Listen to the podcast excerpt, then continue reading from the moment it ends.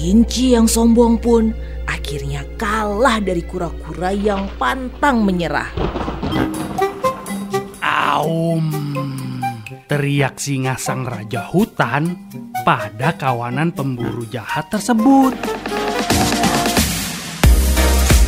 Ajarkan cinta dan banyak hal lain dengan mendongeng bersama anak.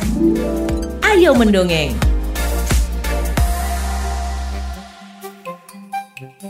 Kisah ular dan tikus. Di sebuah gurun pasir, hiduplah ular dan tikus pasir. Sebenarnya sang ular sangat ingin memangsa tikus, sedangkan tikus berusaha mencari akal agar ular tidak lagi berminat memangsanya. Saat itu sang ular sangat lapar, padahal ia sedang tidak mempunyai sedikit pun makanan. Sedangkan tikus yang berada tidak jauh dari sang ular sedang asik melahap makanannya. Sang ular merasa tidak senang melihat kelakuan tikus. Ular berkata, Dengarkan ucapanku, wahai tikus yang angkuh. Aku pasti akan mendapatkan tubuhmu yang mungil dan lezat itu. Tikus menjawab, Hai ular, berusaha dan bekerjalah. Jangan hanya berani mengancam.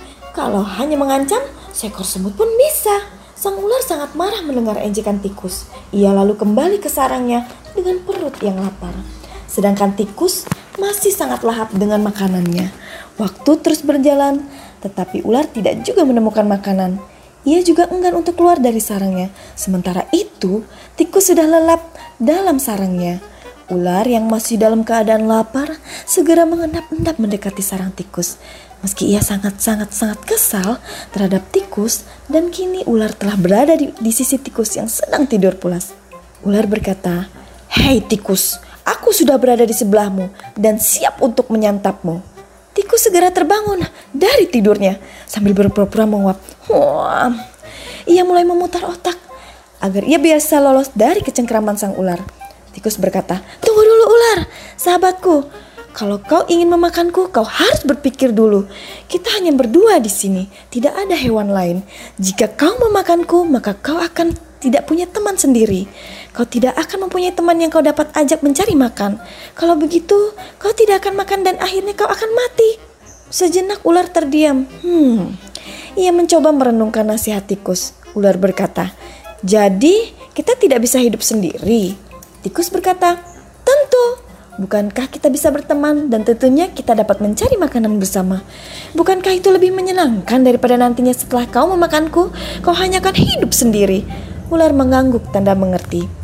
Baiklah kalau begitu, maafkan aku kata ular. Tikus pun memaafkan ular. Mereka tersenyum bahagia, kemudian mereka beranjak mencari makanan bersama-sama. Inti cerita dalam dongeng ini adalah kita harus saling bekerja sama tanpa harus saling menyakiti satu sama lain. Terima kasih. Ayo mendongeng, persembahan dari Female Radio. Love Life, Love Your Children.